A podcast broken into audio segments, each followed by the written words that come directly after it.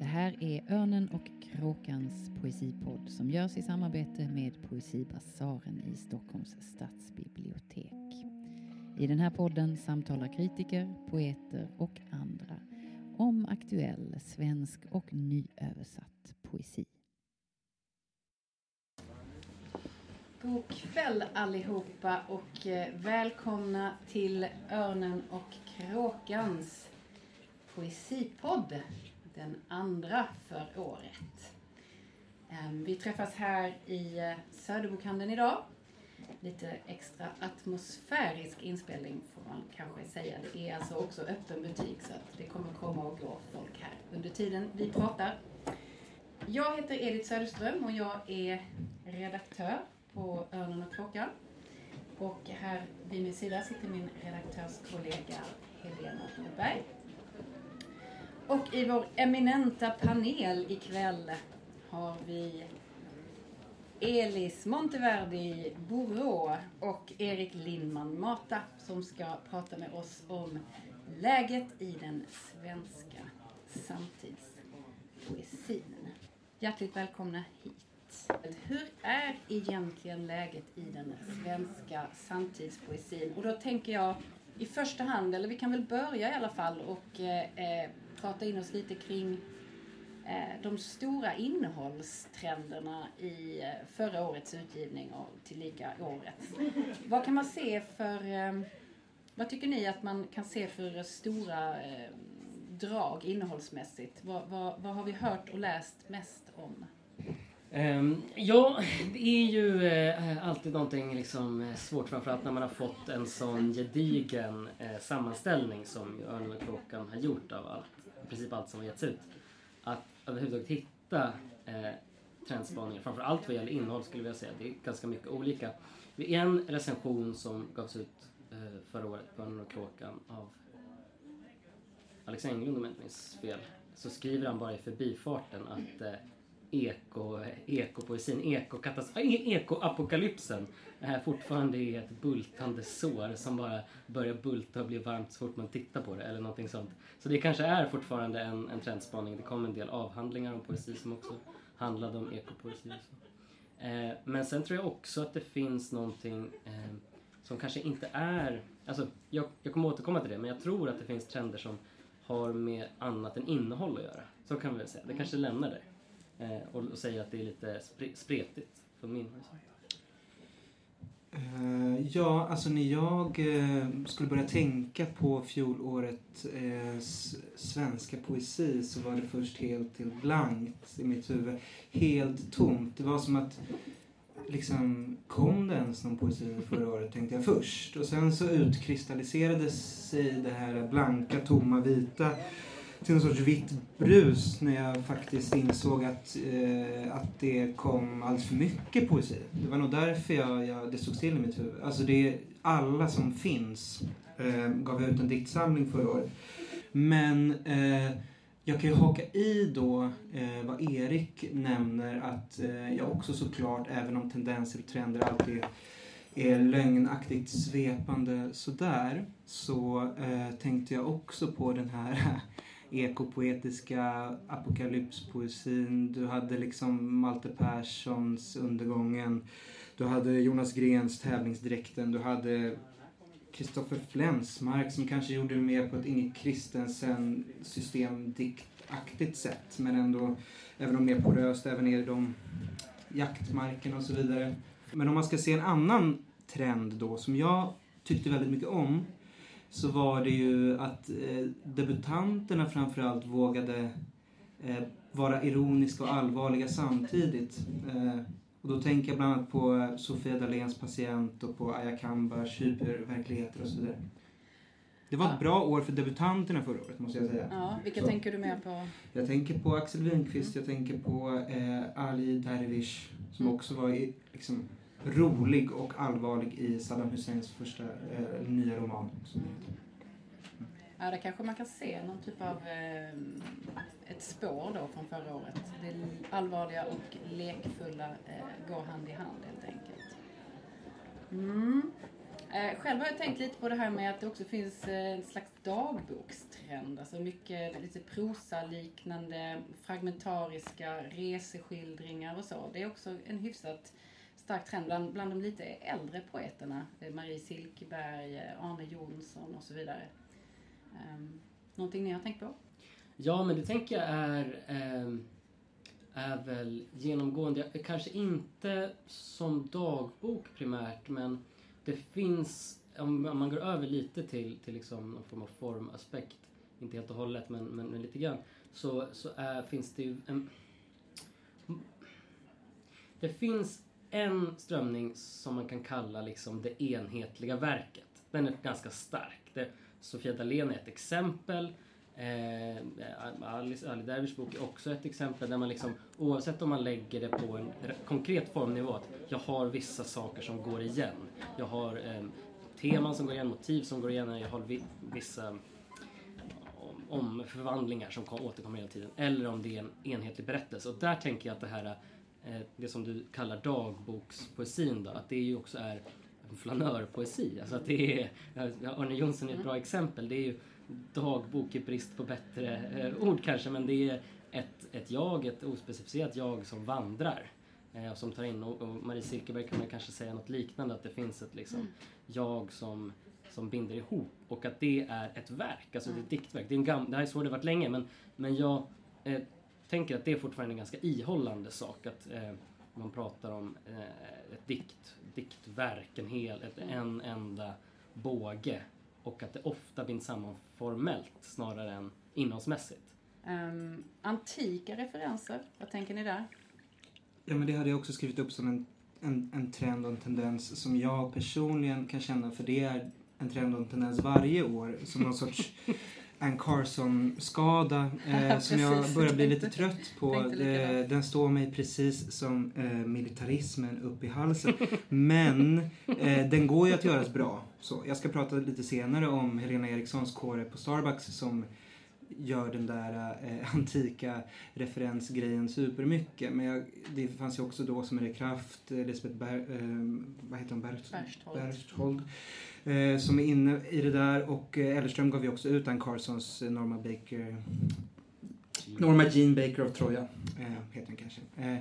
Och jag har ju själv varit medskyldig till att eh, skriva om, inte då Orpheus eller de här allra mest eh, uttjatade eh, eh, arketyperna från den världen, men jag kan känna att ibland så är det lite att man sminkar över brist på originalitet genom att krampaktigt eh, använda sig av, av den här urkunden. Eh, men, men som sagt, det finns alltid undantag som bekräftar regeln och de här texterna, de antika grekiska texterna är väl klassiker av en anledning. Mm.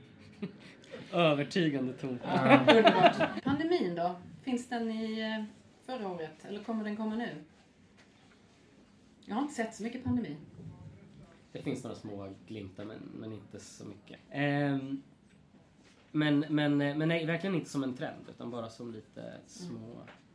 små glimtar. Uh, ja. Sen finns det väl kanske någon, för jag undrar lite om det här liksom det, det som kallades, eller som jag kallade eko apokalypsen, eller som Englund kallade e-, ekoapokalypsen, om det också inte bara är ett sätt att förhålla sig till en större berättelse om att det är stökigt. Liksom. Helena, jag lämnar över lite till dig. Och hur ser det ut med formmässigt i poesin just nu? Finns det tendenser där? Något som sticker ut kanske? Eh, eh, Edith, du var inne på det förut, men eh, prosalyriken gjorde väl en liten homerun. Det var väl inte bara Marie Silkeberg och Fredrik Nyberg som hade liksom stora prosasjok i sina diktsamlingar utan även Gunnar E. Hansson. Eh, Gunnar e. Hansson.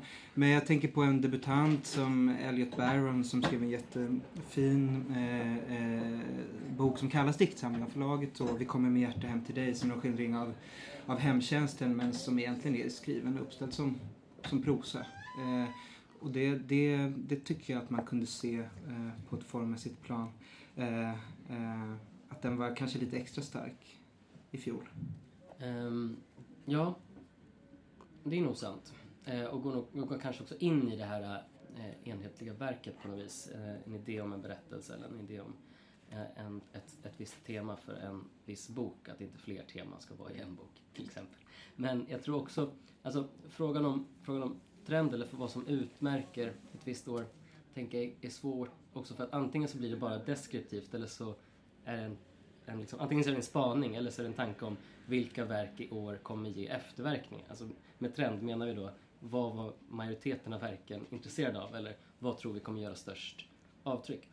Och om frågan liksom gäller det senare så tror jag att det kommer finnas en formmässig eh, trend som handlar, som de två böckerna jag har valt att läsa lite ur sen, där de, det, är, det är Maria Stepanova och Mette Möstrup. De är väldigt formmedvetna poeter och utgår från ett slags mellanläge mellan det bundna och det fria. Där man börjar, istället för att som Matte Persson då liksom sig åt det bundna och åt de klassiska formerna eller olika sätt att, att, att leka med de klassiska formerna så börjar man hitta på egna former som härmar dem. Och det är ett sätt att binda ihop någonting utan att hänfalla till den liksom, tematiskt sammanhållna diktboken eller diktverket som handlar om en sak. Då får man helt plötsligt ett mellanläge som inte är på varje radnivå och inte på det stora hela utan som ändå binder ihop saker. Det Men- tror jag kan, kan, kan ge större, Mm. för det är en sånt smart, alltså det är en, en smart lösning på ett problem som liksom är hägrat. Och det tänker jag kan ge effekt, eller kan ge verkan. Så är Malte Persson ensam kvar nu i sonettvurmen, så att säga? Har den ebbat ut? Ja, eh, den tidskriften, eh, vad heter de? Pra, Pralin. Eh, tidskriften Pralin hade ju ett temanummer om, om sonetter och de fick ju visserligen skjuta upp sin deadline en månad för de fick för få, för få förslag. Men de gjorde ju ett nummer till slut så att eh, helt ut, ut, utdöd är den väl inte.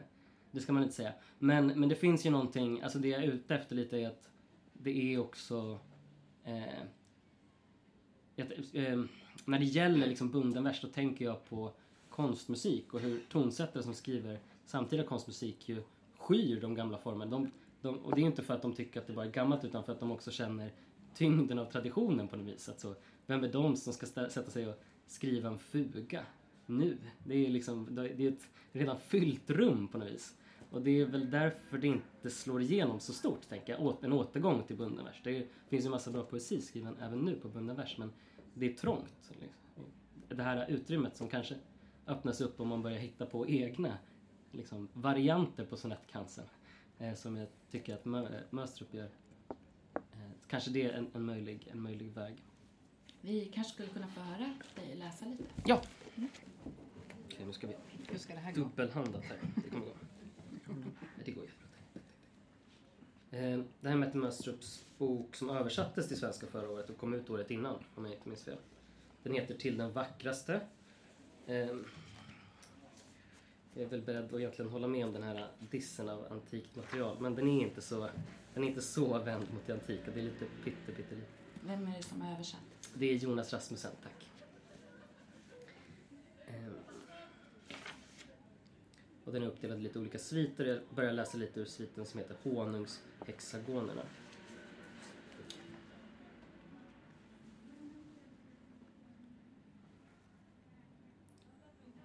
Vi var söta, tillbad honung, badade i honung, njöt den honungsgyllene strömmen, den honungssöta sötman. Drack honung och bara honung. Vi tillbad honung, all honung under solen, den honungsgula solen, den söta honungen, glödande som elden, flytande som floden. Den honungsgula solen, den solgula honungen, ville vi ha, vi ville ha, all honung under solen, som klibbade mot kropparna och glittrade i ohämmat överflöd. All honung under solen, all nektardoftande sötma som rann och rann över ville vi slicka i oss, vi med honungsdrypande tungor, vi med vittans och drottning. Vi med honungsdrypande tungor slickade i oss den nektardoftande honungen som glittrade och klibbade ihop med oss, Klickade varandras kroppar, som dröp av honung varandras honungssöta kön. Honungssöta kön, nektarandning, nektarstön och sötman blev sötare och sötare och sötast och stönen gled över i antrutet jämmer, ja, ja, rena njutningsskrik. Vi var söta, mimade bina, delade honung med varandra. Vi med vippdans och drottning och män endast på sommaren.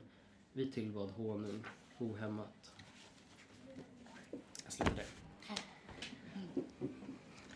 Underbart.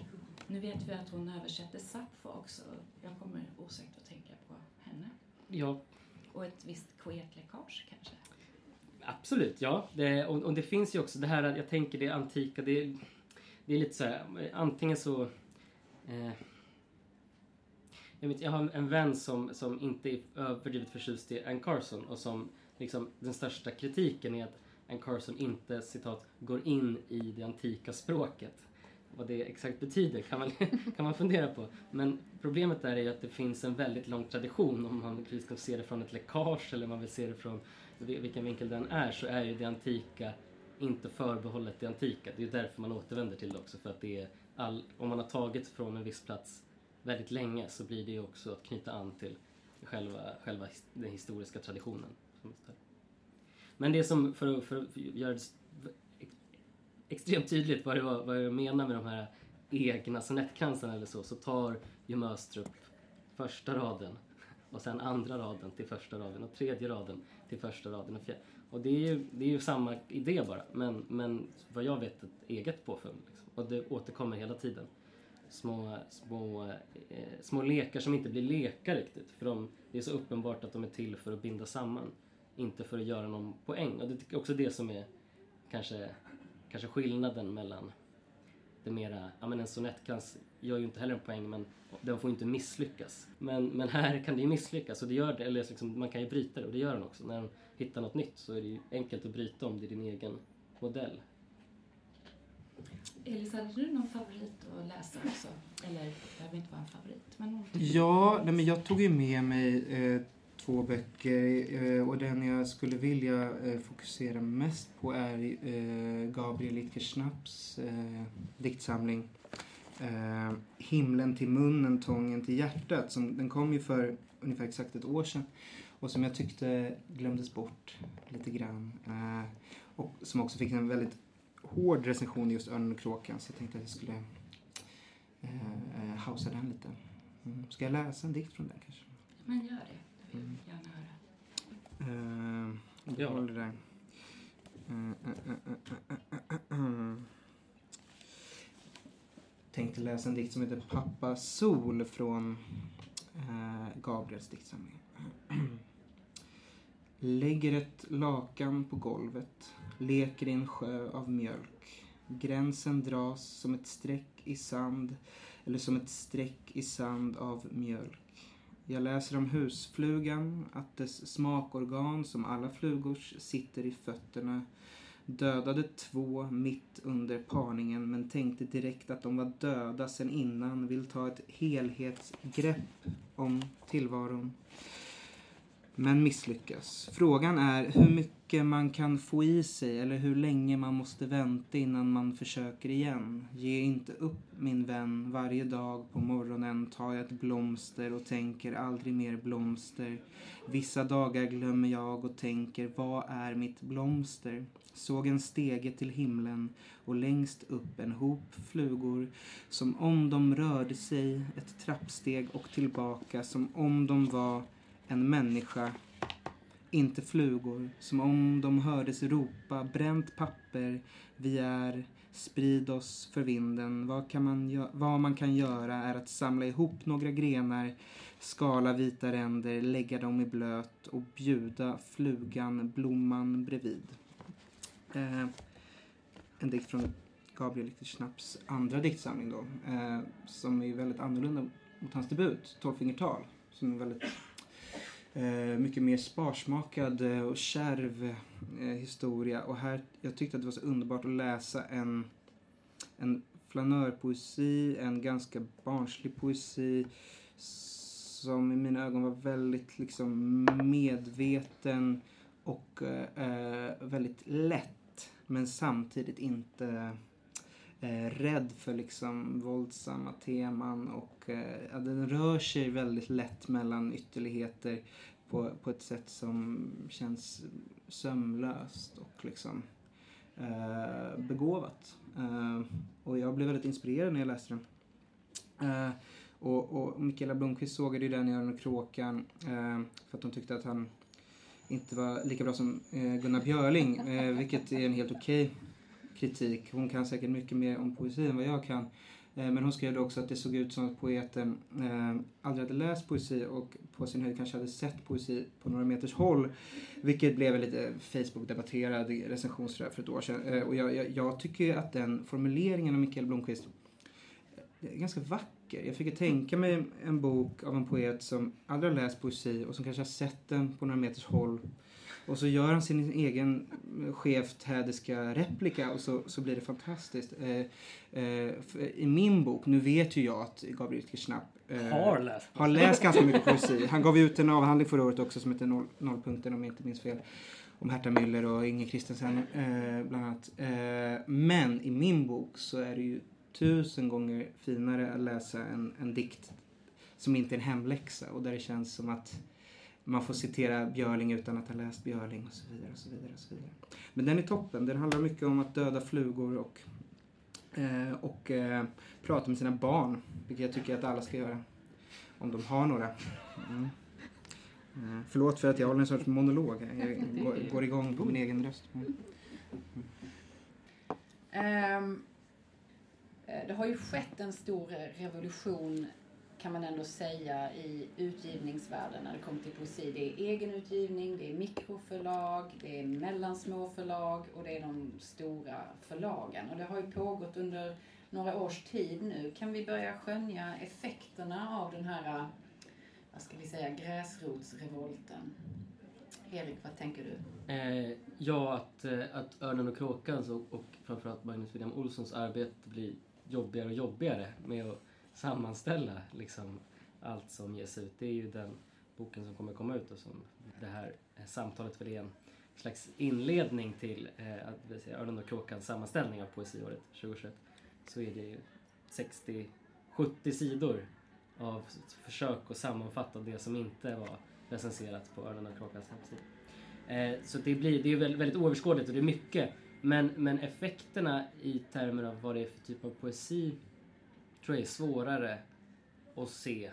Och jag tror också att det är för att det just nu ändå är eh, inte stuprörsrörelser eh, men det är ju inte som att egenutgivningen organiskt går in liksom, och, och flyter in i Albert Bonniers eh, utgivning eller att eh, förlagen på något sätt nödvändigtvis hjälper varandra här utan det är väl mer att det finns så många som skriver och så många som vill skriva och då hittar man på ett eller annat sätt en möjlighet och de möjligheterna är fler idag. Så kan vi säga.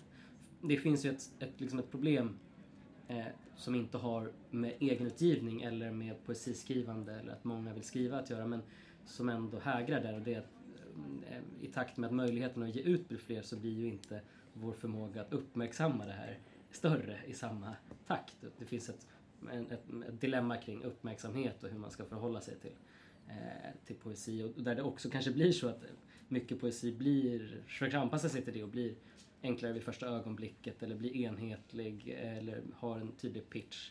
Jag tänker den här enhetligheten som jag varit inne på, den är ju också ibland bara konsekvensen av en pitch. Alltså möjligheten att säga den här diktsamlingen handlar om flugor. Mm. Ja, då blir alla som är intresserade av flugor intresserade. Eller någonting sånt. Det där är också ett, ett sätt att hantera uppmärksamhetsproblemet. Eh, om jag bara har en, en kort eh, tid att, eh, att säga någonting om en dikt, vad ska jag då säga? Och så, vidare. så det kanske är en, en, en konsekvens av, dels, alltså inte av inte av liksom, det är inte Aska förlags fel att, att, eh, att, eh, vi har problem med uppmärksamheten utan det är en mycket större sak. Men de hänger ihop på något vis. Um. Ja, de stora kultursidorna som recenserar poesi, de är ganska konservativa kanske, man kan säga. Och är mer inriktade på de stora förlagen. Okay. Så det är svårt att komma fram och så finns det en tidskriftsstöd. Det läses inte så mycket kulturtidskrifter. Finns det så många poesitidskrifter just nu? Det, det fin- ja, några finns kvar, så- vilket är kul. Och sen som Erik har nämnt innan, det finns liksom vissa nättidskrifter som har uppstått Mm. senaste åren. Pralin magasin är en av dem och det finns en sorts underground-scen med fanzine och liksom av, eh, av unga aspirerande poeter som precis har gått ut gymnasiet som, som verkligen brinner för det här. Men det är en liten subkultur där samtidigt som det då ganska lite ironiskt har blivit eh, eh, en fjäder i hatten att vara publicerad poet eller författare på ett sätt som man ju kan bli lite irriterad på när det känns som att eh, vissa då, nu, vi har inte nämnt, men jag kan göra det som någon sorts djävulsadvokat, men vi har inte nämnt hybridförlagen eh, vid ord heller, och där, som också varit en debatt förra året eh, och som Magnus William Olsson skriver ganska eh, generöst om många diktsamlingar skulle jag ändå säga i den här kalendern och trots att han då vad jag vet inte ens har fått eh, eh, eh, kalla kontanter i fickan från Ekström och. Eh, men det, jag, kan inte, jag kan inte lova om så är fallet. Men, men där uppstår ju också någon sorts... Eh, jag tycker det är väldigt svårt att navigera. Alltså jag känner bara som poet själv personligen så, så försöker jag verkligen att intala mig själv att, att det inte ska finnas liksom en tryckpress som är kopplad till min hjärna utan det när jag skriver dikt som kanske inte platsar i en bok så twittrar jag ut den eh, eh, helt gratis för att den ska dö där. Eh, och det behöver nödvändigtvis inte bli en bok av allting. Det var det jag försökte lite slingrigt komma fram till. Mm. Eh, så. Eh, men vi började ju någon helt annanstans.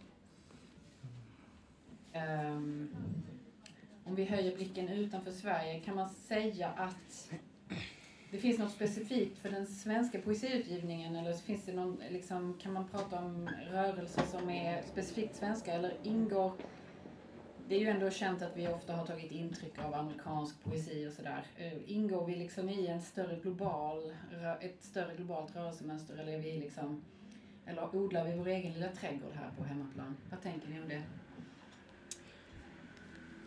Ehm, ehm, det beror väl eventuellt på, på vad man ställer emot. Eh, eh, men jag skulle säga att när jag tänkte på det i, i, i förberedelserna till det här samtalet så slog det mig att poesin ju faktiskt inte är så fruktansvärt påverkad av den Alltså den svenska poesin är inte så fruktansvärt påverkad av den amerikanska poesin. Oavsett om det är liksom den nyare amerikanska poesin som, som Elis är intresserad av och varit en, ändå en inkörs, en, en, liksom en, en förespråkare för, får jag väl säga. Eh, eller den mer etablerade. Alltså jag tänker mig att om man ser på Louise Glick, så är det ju, eller en Carson för den delen, så är det ju poesi som läses, framförallt Carson, men som inte nödvändigtvis ger så väldigt mycket avtryck i det som skrivs. Alltså inte i, i, inte i paritet till den roll det har som läst material.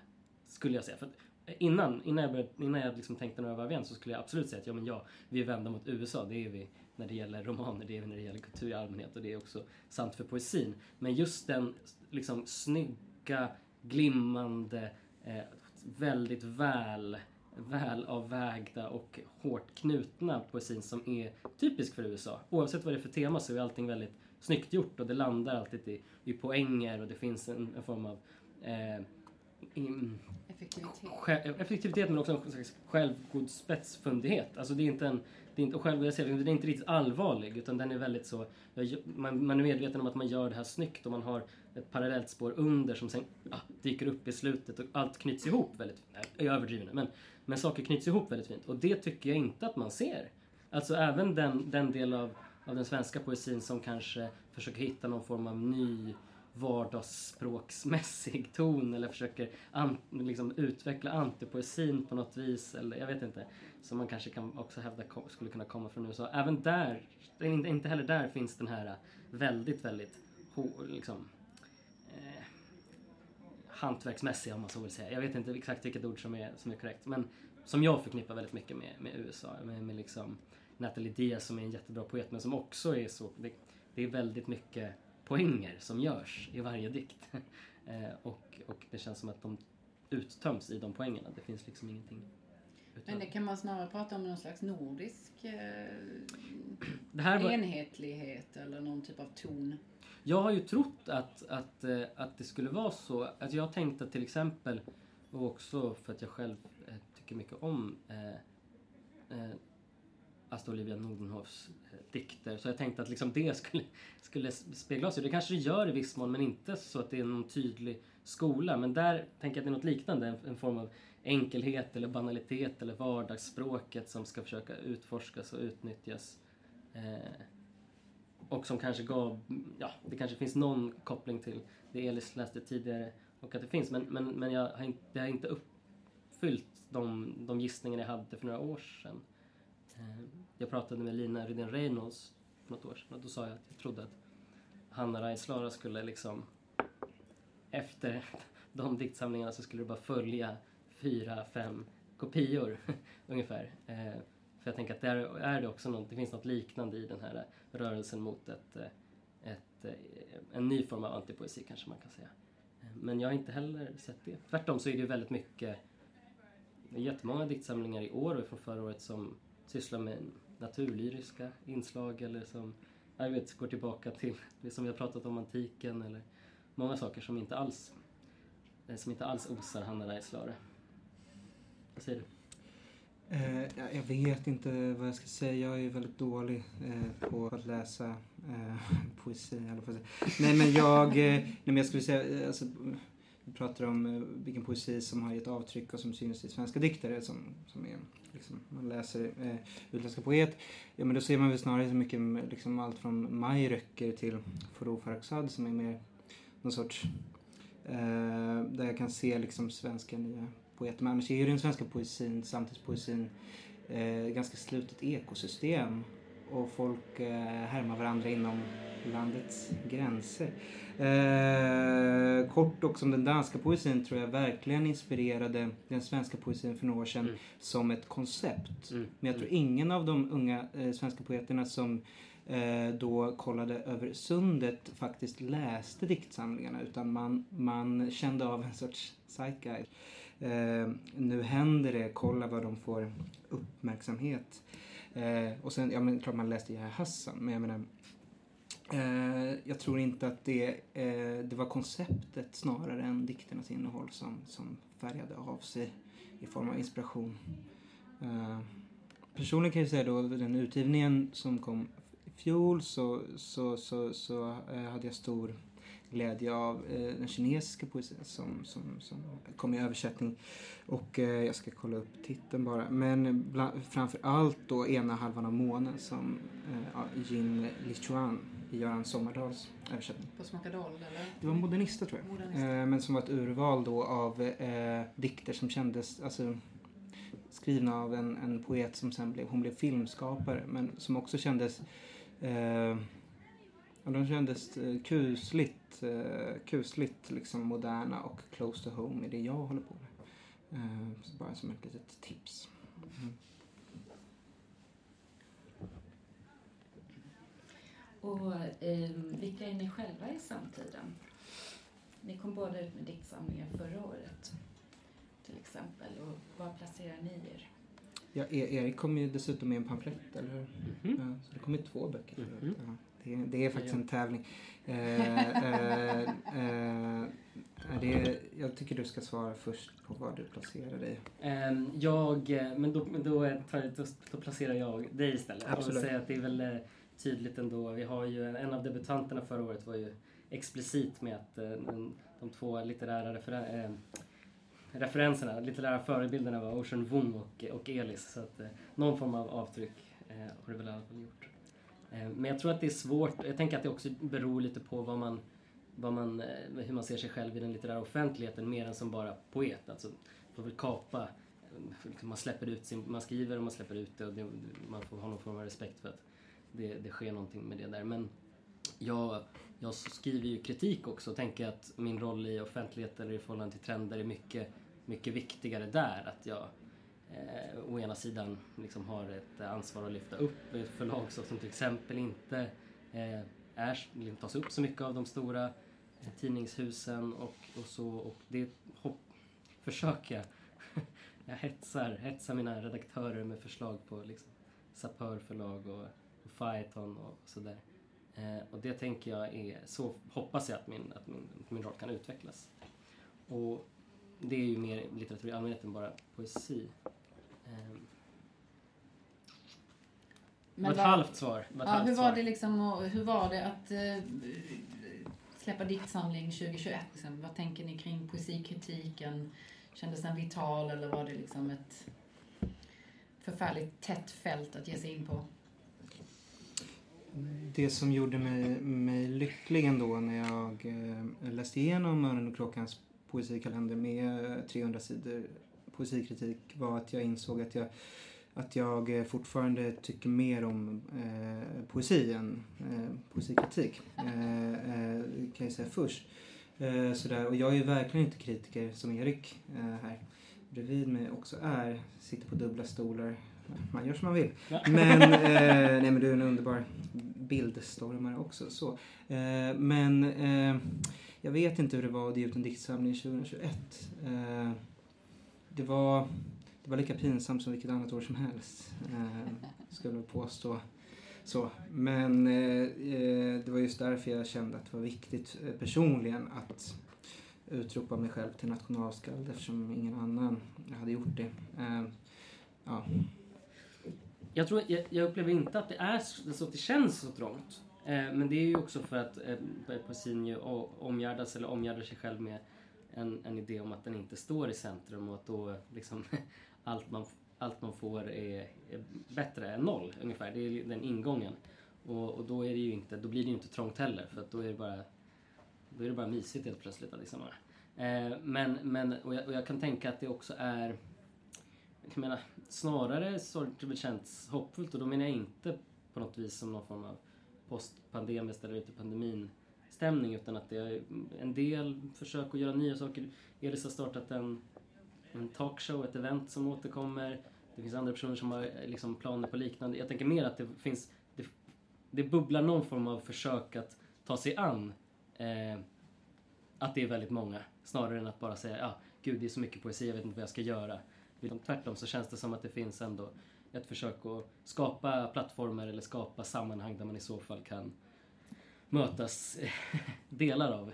Alla måste inte mötas samtidigt. Så att det blir mer commu- communities. Precis, och kanske att det också blir för att om vi, om vi, om vi pratar om de små förlagen, mikroförlagen eller pamflettförlagen eller så här, så, så är det också eh, väldigt finns ju väldigt olika anledningar till varför man är ett litet förlag. Alltså antingen så är det för att man gör det vid sidan av. Tänk att de som driver pamflettförlag är väldigt mycket så. De är intresserade men de har andra saker att göra och så vill de göra det här för de tycker om poesi. Eh, eller så är man ute efter att skapa, inte ett, inte ett community nödvändigtvis, men en, en annan typ av eh, stadga i, i den platsen. Som Chateau till exempel, som gör ju massa olika saker. Men där är det ju uppenbart att det inte så är ett sidoprojekt, oavsett om det är ett sidoprojekt också. Utan där är tanken att de kommer ju fortsätta i 30 år till, förhoppningsvis, och ge ut fransk eh, obskyr poesi i översättning och ordna digitala poesifestivaler med roliga namn. Eh, så att jag tänker att det också beror lite på vad, vad, vad, vad anledningen eller vad motivationen för det lilla förlaget är. Och där kan vi kanske se, jag vet inte, där kan man kanske se att de som inte har en, en stö, stö, ett större projekt, då kan de gå in och ut ur offentligheten på ett annat sätt och försvinna. Kort, kort parentes måste också ge eh, eh pandemin det ändå att eh, den fick eh, något så, så obsolet och osexigt som eh, poesiläsningen att kännas spännande igen och gå på en poesiläsning. Som, det kan ju vara otroligt tråkigt men nu känner man ett enormt sug efter det. Och det, det måste jag ändå säga var, det trodde jag inte att jag skulle känna så igen. Men jag fick, även jag fick abstinens. Så. Mm. Såg ni många webbaserade eh, digitala uppläsningar och samtal? Jag gjorde mitt bästa. Jag såg ett gäng eh, unga eh, amerikanska internetpoeter sätta upp i väntan på Godot på Zoom. Eh, vi, men, men de hade så en öppen Zoom-länk så att hela föreställningen kapades av olika eh, eh, unga incel, eh, fascistiska nätforum-troll. Vilket i sig naturligtvis var kongenialt med Beckets pjäs. Så det blev ju eh, fantastiskt. Men, men an, i övrigt så, både det där med att medverkat själv och tittat på. Jag, jag har lite för dålig koncentrationsförmåga som det är. Eh, och ja, ja, nej, det, det, det är svårt. Eh, tycker jag, med digitala uppläsningar. Jag vet inte vad du känner. Nej, men det är klart, det finns många olika problem med det. Eh, inte minst liksom den konkreta förmedlingen som ju kan strula. Men en av de roligare och finare digitala samtalen som jag gjorde var med eh, Balsam som skulle varit här, mm. inte kunde. Och det som var fint med det samtalet, då vi pratade om eh, en bok som jag hade gett ut, eh, det var att vi inte såg, publik, vi såg bara varandra på så skärm och pratade som om det var ett samtal, som ett telefonsamtal. Det var väldigt fint och så de andra lyssnade och jag tror till och med att det liksom projicerades, i upp- för vi skulle varit i Uppsala, projicerades det i Uppsala och så satt det några få i publiken. Det var, funkade jättebra, man hade ingen sån åh, det är folk där, jag vet inte, utan det, man kunde prata förtroligt. Ett, ett av de bättre samtalen. Författaren Balsam Karam. Exakt, exakt. Ja, men eh, vad tänker ni om sådana här trendspaningar överhuvudtaget? Ja, jag vet inte riktigt faktiskt. Ehm, jag tror också att för att, för att, för att med risk för att låta som ett papegoja och eh, repetera mig själv så tror jag att det också beror väldigt mycket på varför man gör det. Och om det är som sagt, det jag var inne på tidigare, om det är ett försök att vara beskrivande och säga att det är så här det har varit. Eller om man, om man försöker göra någon form av prognos. Eller om man också säger så här, men det här vill jag, eller vill vi, eller liksom borde vi göra. Att de, de kan fungera väldigt olika, trendspaningarna.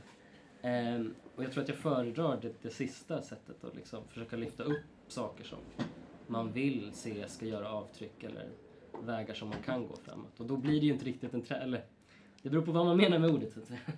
Ett sätt att underhålla det offentliga samtalet om poesin kanske? Ja, precis. För det är ju verkligen en blessing and a curse utifrån någon sorts marknadsföringsperspektiv. Och det vet kanske alla som har debuterat eh, med en bok att eh, om man har ett samtal med en marknadsperson på ett förlag så är ju den personens eh, våta dröm ofta att man ska eh, kunna haka på en trend. Och det är också de nyckelorden man söker i beskrivningen och inställningen av, av en ung debuterande författare. Eh, och då kan det ibland kännas ganska krystat som att man blir inprånglad i en, i en trend som kultursidorna liksom har skapat för att ja, det är så det funkar. Och det, jag vet inte, det går inte att komma undan det kanske. Är förlagen hungriga på det också? Det är de nog. Eh, Men det, ja, jag vet inte. Mm. På Hungriga på På de här trendspaningarna? Ja, kanske. Men jag tror nästan att det är mera, alltså det som jag var inne på, det, det är mera eh, pitch och mer, alltså det, mycket mera det enskilda verkets möjlighet att kommunicera snabbt än trend, tror jag. För trend är ju också då, ur ett rent marknadsperspektiv, ju på ett sätt positivt. Man kan kanske vara förebilden för det, men det är också ett, en risk att man då drunknar i det. Och man, man ska liksom jaga den här ständiga, unika positionen eh, med olika medel också.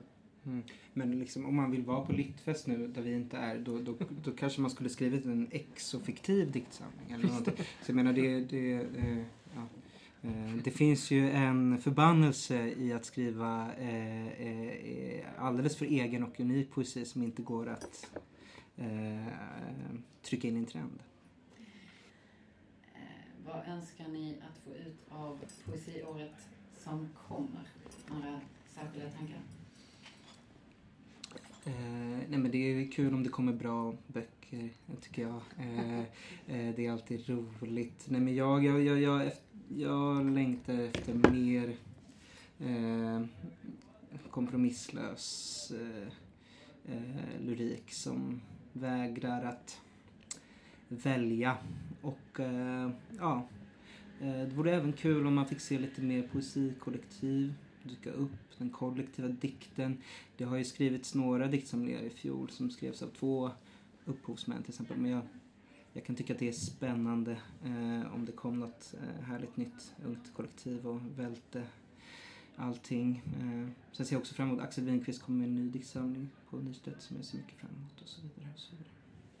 Det som jag tänkte på när jag, vi, vi fick den frågan i förväg, vad jag ser fram emot Poesiåret 2022, så, så hoppar jag över till min andra parallella stol och tänker att det skulle vara fint att, att se en, en, liksom, en kritik som inte fastnar i den, liksom den här eh, positionen som förs fram av några prominenta kritiker om att liksom, kritiken är en i grund och botten en, en praktik som handlar om ett värdeomdöme och det måste finnas någon form av tydlighet för annars så har man, hjälper man inte läsarna och folk måste ha exakt samma snabba pitch som förlagen som vi har talat om ska också finnas i kritiken när man som kritikläsare då ska veta men det här, den här boken är bra eller, eller dålig eller, eller den här är på det här sättet eller det där sättet. Istället försöka hitta en mera eh, lösare eh, kritik, en mer essayistisk kritik som kan bända upp saker och tillåta sig att vara även där lite mer eh, frifräsande och, och eh, experimentell. Det hade jag gärna sett.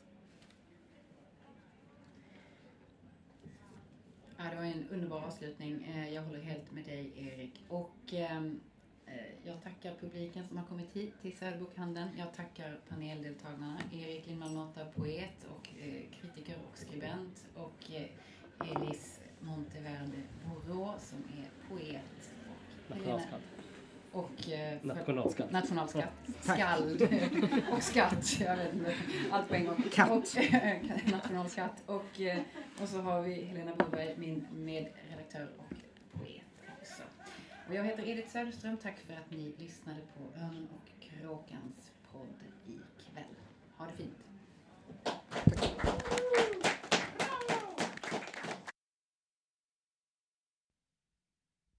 Du har lyssnat till Örnen och kråkans poesipodd. Läs mer om aktuell svensk och nyöversatt poesi på ornenochkrakan.se